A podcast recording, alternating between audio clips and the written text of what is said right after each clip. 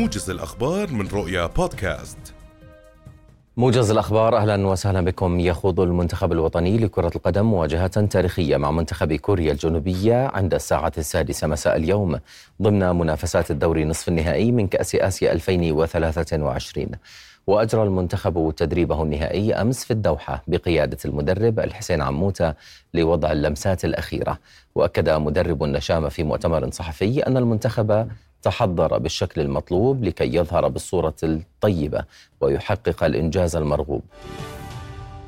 أكدت وزارة التعليم العالي والبحث العلمي أنه لن يسمح لأي طالب بتقديم طلب القبول الموحد لخريجي الدورة التكميلية 2024 لمرحلتي البكالوريوس والدبلوم المتوسط بعد الساعة الثانية عشرة من مساء اليوم.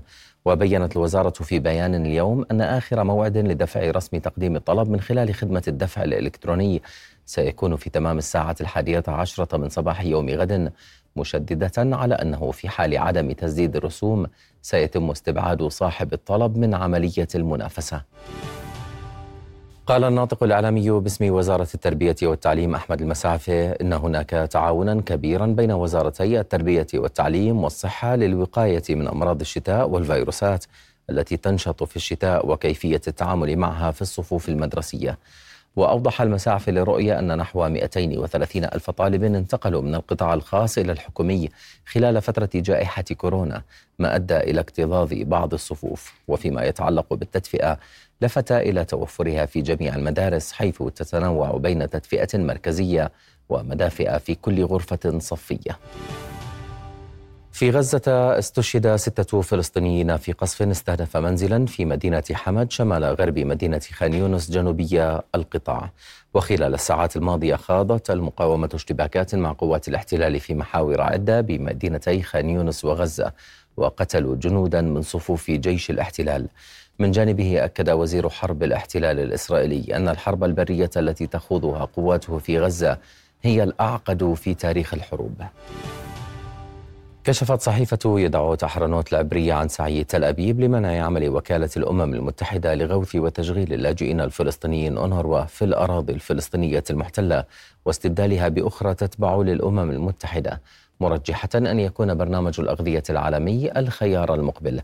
وتسعى وزارة خارجية الاحتلال إلى أن لا تكون الأونروا جزءا من اليوم التالي في قطاع غزة بعد الحرب بحسب الصحيفة العبرية التي ذكرت أن وزير الخارجية إسرائيل كاتس أوعز لمدير عام الوزارة بتشكيل فريق عمل خاص لهذا المخطط وسيخضع المخطط لمصادقة الحكومة والكابينت السياسي الأمني في الكيان. ودعا كاتس إلى إقالة رئيس أونروا ووجه تعليمات لموظفي وزارته بعدم عقد لقاءات معه. كشف الاحتلال الإسرائيلي عن تضرر 427 منزلا في المستوطنات المتاخمة للحدود مع لبنان منذ بدء قتالها مع حزب الله والفصائل الفلسطينية في الثامن من أكتوبر الماضي. وقالت وزارة حرب الاحتلال إنها تجري تقييما للأضرار التي طالت المنازل على طول الحدود الشمالية وتعمل على تنسيق جهود إعادة التأهيل. ومع نهاية كانون الثاني الماضي قالت صحيفة يدعوت أحرنوت إن الجيش قلص عدد جنوده الموجودين على الحدود مع لبنان. قالت الإدارة الأمريكية أن الرئيس جو بايدن سيستخدم حق النقد الفيتو ضد مشروع قانون يدعمه الجمهوريون في مجلس النواب الأمريكي لتقديم مساعدات لإسرائيل وذلك في الوقت الذي يدفع فيه لإقرار تشريع أشمل لتقديم الدعم لإسرائيل وأوكرانيا وتخصيص أموال جديدة لأمن الحدود.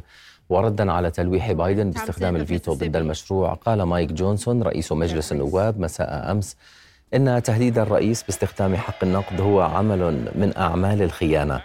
ولا يحظى مشروع القانون بدعم كامل من الجمهوريين إذ عبر دونالد ترامب المرشح الأوفر حظا لنيل ترشيح حزبه لخوض الانتخابات القادمة وحلفاؤه عبروا عن رفضهم له بشدة ووصفوه بأنه غير صارم بما فيه الكفاية. نهاية هذا الموجز في أمان الله.